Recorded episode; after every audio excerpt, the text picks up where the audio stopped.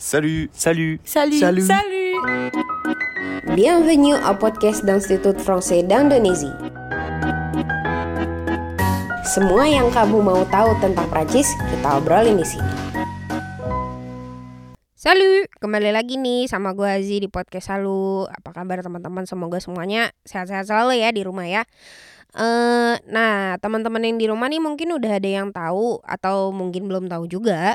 eh kalau di IVI tuh kita tuh nggak cuma ngerjain em, proyek-proyek seputar eh, kebudayaan ataupun bahasa, tapi kita tuh banyak juga mengerjakan em, kerjasama Franco Indo di Indonesia termasuk salah satunya tuh di bidang sains dan teknologi. Nah, kalau kita ngomongin soal sains, pasti kan kita ngomongin uh, di dalamnya tuh ada peneliti dan penelitian. Nah, kira-kira nih peneliti-peneliti dari kedua negara ini nih mereka tuh pada dapat uang dari mana sih untuk mendanain penelitian bersama? Karena nggak sedikit loh uh, peneliti-peneliti Indonesia dan Prancis yang punya joint research. Uh, dan ada nggak sih program pendanaan yang khusus memayungi kerjasama di bidang ini? Nah, hari ini kita bakal bahas soal ini, yaitu soal dana hibah penelitian nih. Dan lebih spesifiknya lagi, kita bakal ngobrolin program eh, dana dana penelitian yang bernama Siongs E Ampak. Nah, tentunya karena bukan gue yang ngurusin dana ini, jadi gue mengundang seseorang, eh, orang IVI juga dari bagian sains dan teknologi, namanya Stefani. Halo Stefani. Hai semuanya, kenalin gue Stefani Claudia dari Divisi Kerjasama Sains dan Teknologi. Akhirnya gue bersama kalian hari ini untuk ngobrolin hal yang mungkin nih bikin kalian para mahasiswa doktor atau peneliti stuck ketika ngerjain penelitian kalian. Kita bakal ngobrolin duit nih atau funding untuk bantu-bantu biaya penelitian kalian supaya penelitian itu bisa jalan dan gak stuck lagi. Nah, jadi salah satu hal yang penting selain ilmu di penelitian adalah uang, guys. Ya, nggak semua hal, eh, tidak semua hal membutuhkan uang, tapi uang memudahkan segalanya. Iya. Begitu. Nah, langsung aja nih, Steph. Eh, pertama-tama deh, jelasin dulu dong nih eh, program Siongs E Ampak ini apa sih? Eh, pada dasarnya program Siang Seampak ini adalah program pendanaan atau hibah yang tujuannya untuk ngebantu aktor-aktor yang ngerjain proyek-proyek penelitian di bawah payung kerjasama Indonesia Prancis. Oke. IVI dan kedutaan Prancis itu sangat concern dalam mendukung penger- perkembangan kerjasama sains dan teknologi dan juga aktor-aktor di dalamnya. Sesuai dengan namanya, Science and Impact, eh, kita ingin mendanai proyek-proyek yang memiliki dampak dan Mm. mengilustrasikan impact dari Mm. sains tersebut yang dapat menggambarkan dan mewakili secara khusus wujud dari kerjasama sains dan teknologi Indonesia Prancis. Nah, jadi eh, udah jelas banget sih ya maksudnya dari namanya gitu. Maksudnya Siongs E Ampak berarti eh, kita berharap dari program ini ada sesuatu impact atau sesuatu eh, pengaruh dari eh, diberikannya dana-dana eh, untuk penelitian ini. Nah, eh, programnya ini sendiri kapan sih Steph dibukanya? Eh, panggilan proyek penelitiannya dibuka sebanyak dua kali setahun, yaitu di bulan Maret dan September. Tapi eh, harus diingat juga kalau eh, panggilan penelitiannya itu dibuka dua bulan sebelum Oke. announcement gitu. Heeh. Which means kalau bulan Maret dibuka dari bulan Januari, kalau Mm-mm. bulan September dibuka dari bulan Juli. Oke, berarti untuk yang bulan Maret eh, di dua bulan sebelumnya dan September pun juga begitu ya gitu. Nah, terus eh, oke nih kita udah tahu kapan. Nah, sekarang yang boleh ikutan eh, apply buat program ini tuh ada siapa aja? Ada batasan umurnya nggak sih kalau misalnya lo mau apply program ini? Wow, bagus banget sih pertanyaannya. Program ini tuh dibuka untuk seluruh aktor kerjasama sains dan teknologi Indonesia Prancis. Khususnya bagi mahasiswa doktor, dosen, peneliti muda, peneliti senior, penanggung jawab proyek, atau organisasi yang sedang menggarap proyek penelitian dan membutuhkan dana tambahan operasional dalam mengerjakan proyek penelitian mereka. Mengenai umur, memang gak ada batasan umur sih untuk mendaftar program ini. Namun biasanya juri tuh ngeliat pengalaman dan kualitas dari ketua tim atau pengusul aplikasi. Jadi Oke. Kita lihat nih backgroundnya dia, terus Hmm. journey-nya dia, apakah udah cukup berpengalaman untuk menjadi pengusul Mm-mm. eh, proyek penelitian gitu. Oke, berarti eh, emang nggak ada batasan umur, tapi pada akhirnya nanti akan dilihat berdasarkan eh, pengalaman atau experience ya, gitu. Nah, terus kan lu tadi mention nih soal proyek penelitian bersama Indonesia Prancis. Eh, nah, kalau di program sains eh, e-ampak ini, berarti yang harus masukin aplikasinya itu tuh peneliti dari Indonesia atau peneliti dari Prancis atau bisa dua-duanya? Em, satu proyek hanya boleh diajukan oleh satu orang. Oke. Gua kasih contoh ya. Ya. Misalnya ada peneliti dari UGM sedang mengerjakan proyek penelitian dengan peneliti dari Université Paris de Sud. Mm-mm. Eh, maka mereka bareng-bareng nyusun proposalnya. Sepakat dana apa aja yang dibutuhin dan impact apa yang mau ditekanin dari proyek ini. Tapi setelah itu, salah satu di antara mereka, misalnya si peneliti Prancisnya nih, Mhm. dia yang akan mengisi formulir pendaftaran. Karena formulirnya kan yang tersedia dalam bahasa Prancis doang. Oke. Jadi eh, akan lebih mudah jika peneliti Prancisnya yang mengajukan eh, atau mengisi formulir te- formulir tersebut. Mm-mm. Tapi sah-sah aja sih bagi peneliti Indonesia untuk mengajukan aplikasi as long as mereka bisa menunjukkan keterlibatan peneliti Prancis di proyek tersebut. Nah, Karena sering banget ya Zizi eh, peneliti Indonesia itu apply mm-mm. tapi kita belum melihat nih mereka punya partnership nggak punya mitra kerja Prancis nggak di proyek tersebut. Jadi Oh, gitu. sering kali eh, kita belum bisa terima kalau memang proyek itu hanya berjalan sendiri. Nah berarti memang salah satu part penting dalam program Siongs E Ampak ini kalau lo mau mendaftar adalah eh, pastikan dulu bahwa memang lo punya tandem kalau untuk orang Indonesia pastinya orang Prancis dan kalau untuk orang Prancis ya untuk eh, apa namanya orang ada orang Indonesianya gitu kan. Betul. Ha-ha, dan sebenarnya kalau formulir sih kayak yang tadi Stefani bilang, ya kalau lo orang Indonesia tapi lo bisa bahasa Prancis ya nggak masalah gitu kan. Gak masalah banget. Ha-ha, tapi yang justru yang lebih penting adalah tandemnya dulu nih Betul. gitu.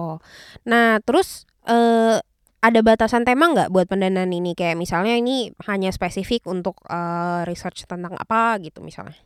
Tidak ada batasan tema untuk program ini. Seluruh disiplin keilmuan diterima. Nanti panitia akan dibantu oleh juri yang expert di bidangnya masing-masing untuk ngelakuin penilaian dan juga seleksi. Terus kan ini pendanaan ya. Bisa dapat duitnya sampai berapa sih? Jadi kita buka kartu aja nih ya. Yoi dong, itu paling penting dong. Berdasarkan em, data sejak tahun 2016 nih gue ngomong berdasarkan berdasarkan data iya aja dong, ya. iya. Sejak tahun 2016 rata-rata pendanaan berkisar di 6.000 euro atau setara dengan 100 juta rupiah per project. Banyak ya cuy? Banyak kan? Banyak. Dana biasanya diberikan dengan metode hibah. Jadi eh, kita transfer langsung ke lembaga yang bersangkutan atau yang menaungi pengusul tersebut. Kan lo bilang tadi ditransfernya ke lembaga ya.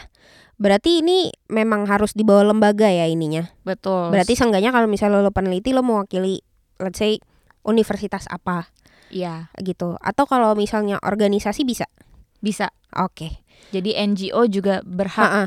untuk Nah, mendaftar. Nah, jadi ini ada satu lagi hal yang penting selain tandem, lo harus berada di sebuah lembaga yang eh, menaungi eh, penelitian lo ya Betul gitu. banget. Eh, nah, terus kalau misalnya aplikasinya Goal nih, ini pendanaannya eh, harus dipakai buat apa aja? Apakah ada batasan-batasan tertentu? Kayak misalnya, oh cuman untuk penelitiannya aja, nggak boleh buat yang lain gitu. Oh, pendanaan ini bisa digunakan untuk beragam kebutuhan. Mm-mm, Jadi eh, contohnya biaya mengikuti konferensi, betul. sidang disertasi, Mm-mm. magang di laboratorium, ikut seminar atau Mm-mm. bikin seminar, Mm-mm, membuat survei atau angket, mm-mm. biaya terjemahan, dan biaya operasional-operasional Mm-mm. lainnya yang timbul dari proyek penelitian tersebut, seperti biaya transport, biaya pembelian alat, biaya Mm-mm. sewa alat gitu. Mm-mm. Berarti eh, nggak cuman untuk maksudnya kayak kayak tadi ya maksudnya kebutuhan yang sangat akademis gitu misalnya untuk bikin uh, seminar atau yang lain-lain tapi bisa digunakan untuk kayak biaya operasional karena tentu saja melakukan sebuah penelitian ada operasionalnya juga ya guys ya Iya. gitu kan nggak mungkin Jadi ini pendanaannya memang cukup fleksibel. Oke, lalu boleh dong lo ceritain deh nih uh, buat contoh uh, teman-teman di rumah uh, para peneliti, em, boleh dong ceritain salah satu proyek yang menurut lo cukup menarik dan pernah didanain sama Xiong E4. Wow, sejak 2016 sampai hari ini udah banyak banget ya proyek-proyek menarik yang kita biayain. Tapi gue pasti mau ngambil yang belum lama ini kita Mm-mm. biayain ya. Di Mm-mm. tahun 2020 ada proyek namanya Ocean Kita, Hmm, sebuah kampanye untuk menyelamatkan laut dari sampah. Oke. Jadi NGO asal Prancis namanya Reclincy bersama dengan Pusat Penelitian Oceanografi LIPI melakukan pengambilan sampel, Oke. pengukuran, analisis dan studi tentang jenis plastik yang dikumpulkan dari sampah di dua wilayah. Di mana aja tuh? Di Sungai Ciliwung di Tangerang dan Pelabuhan Ratu dan yang kedua di Sungai Cimandiri di selatan Jawa. Oke. Sampel plastik ditangkap menggunakan jaring dan kemudian dibawa ke laboratorium LIPI untuk diukur, dikategorikan, dan dianalisis polimernya. Dari pengambilan sampel tersebut, nih sangat eh, apa namanya menarik banget buat kawan-kawan semua.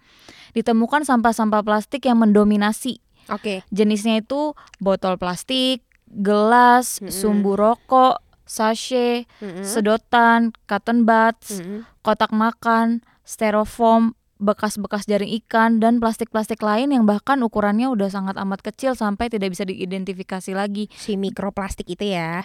Belum sampai mikroplastik sih, tapi, Tapi, udah cukup kecil. iya Oke. hancur kan dia. Ha-ha. Nah, hasil penelitian itu menunjukkan jenis polimer mana yang paling mendominasi sampah plastik tersebut. Dan nantinya eh, hasil penelitian tersebut bisa menjadi dasar untuk menentukan proses daur ulang agar sampah-sampah itu nggak jatuh lagi ke laut Mm-mm. dan merusak lingkungan. Namun kita bisa optimalkan nih proses daur ulangnya Mm-mm. gitu.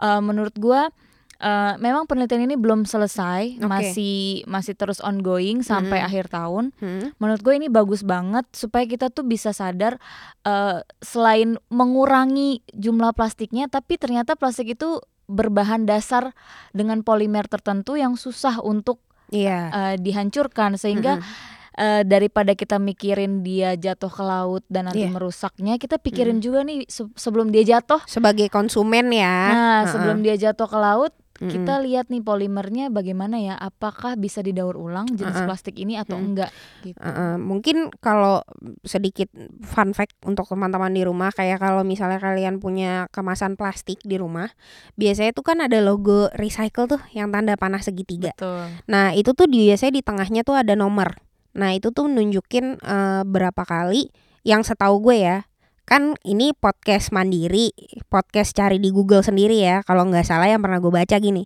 Jadi si angka itu menunjukkan berapa kali plastik itu bisa didaur ulang. Nah jadi mungkin buat teman-teman di rumah em, hasil-hasil penelitian seperti ini tuh bisa membantu kalian untuk lebih bijak memilih dan menggunakan eh, kemasan-kemasan yang setiap hari kalian pakai di rumah gitu. Kalau misalnya bisa refill kenapa enggak kayak gitu kan. Iya. Kalau misalnya bisa bawa kotak makan sendiri ya kenapa enggak gitu. Iya, kita jadi lebih aware Betul. gitu kan. Mm-mm, Nah, bener banget.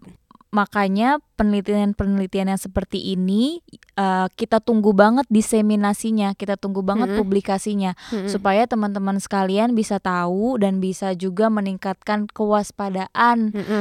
eh, akan eh, bahayanya sampah plastik buat lingkungan kita. Apalagi eh, baru-baru ini gue sempat baca kalau eh, UN salah satu badan UN gue lupa itu apa eh, bilang kalau eh, kayak efek dari global warming itu eh, sebenarnya kayak sekarang tuh udah terlalu terlambat untuk kita eh, tanggulangi gitu.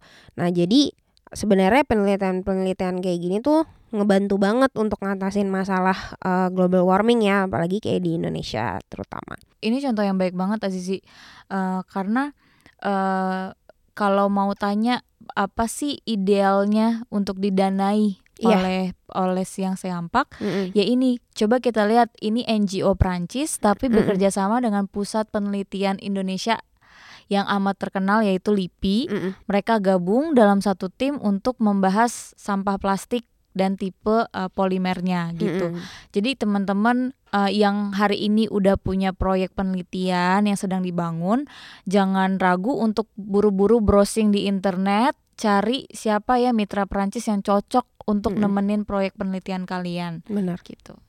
Nah, kita kan udah ngomongin nih soal seputar sayang saya ampang dari mulai kayak ya bisa dibilang mungkin syarat-syarat untuk kalian apply. Nah, kita yang belum kita omongin adalah cara daftarnya nih. Nah, cara daftarnya gimana dan dokumen-dokumen yang mesti disiapin tuh apa aja sih, Steph? Cara daftarnya tuh sebenarnya gampang banget. Mm-mm. Thanks to Azizi juga nih. Hmm. Eh, karena Ya, jadi kalau kalian mendengar saya di podcast kerjaan saya bukan ini doang ya. Kerjaan saya di balik layar tuh banyak. Iya. Jadi kalian tinggal kunjungi aja situs IVI, masuk ke rubrik berita, nanti akan muncul artikel dengan tajuk Panggilan Proyek Penelitian Siang Seampak untuk edisi September masih dibuka sampai tanggal 15 September 2021.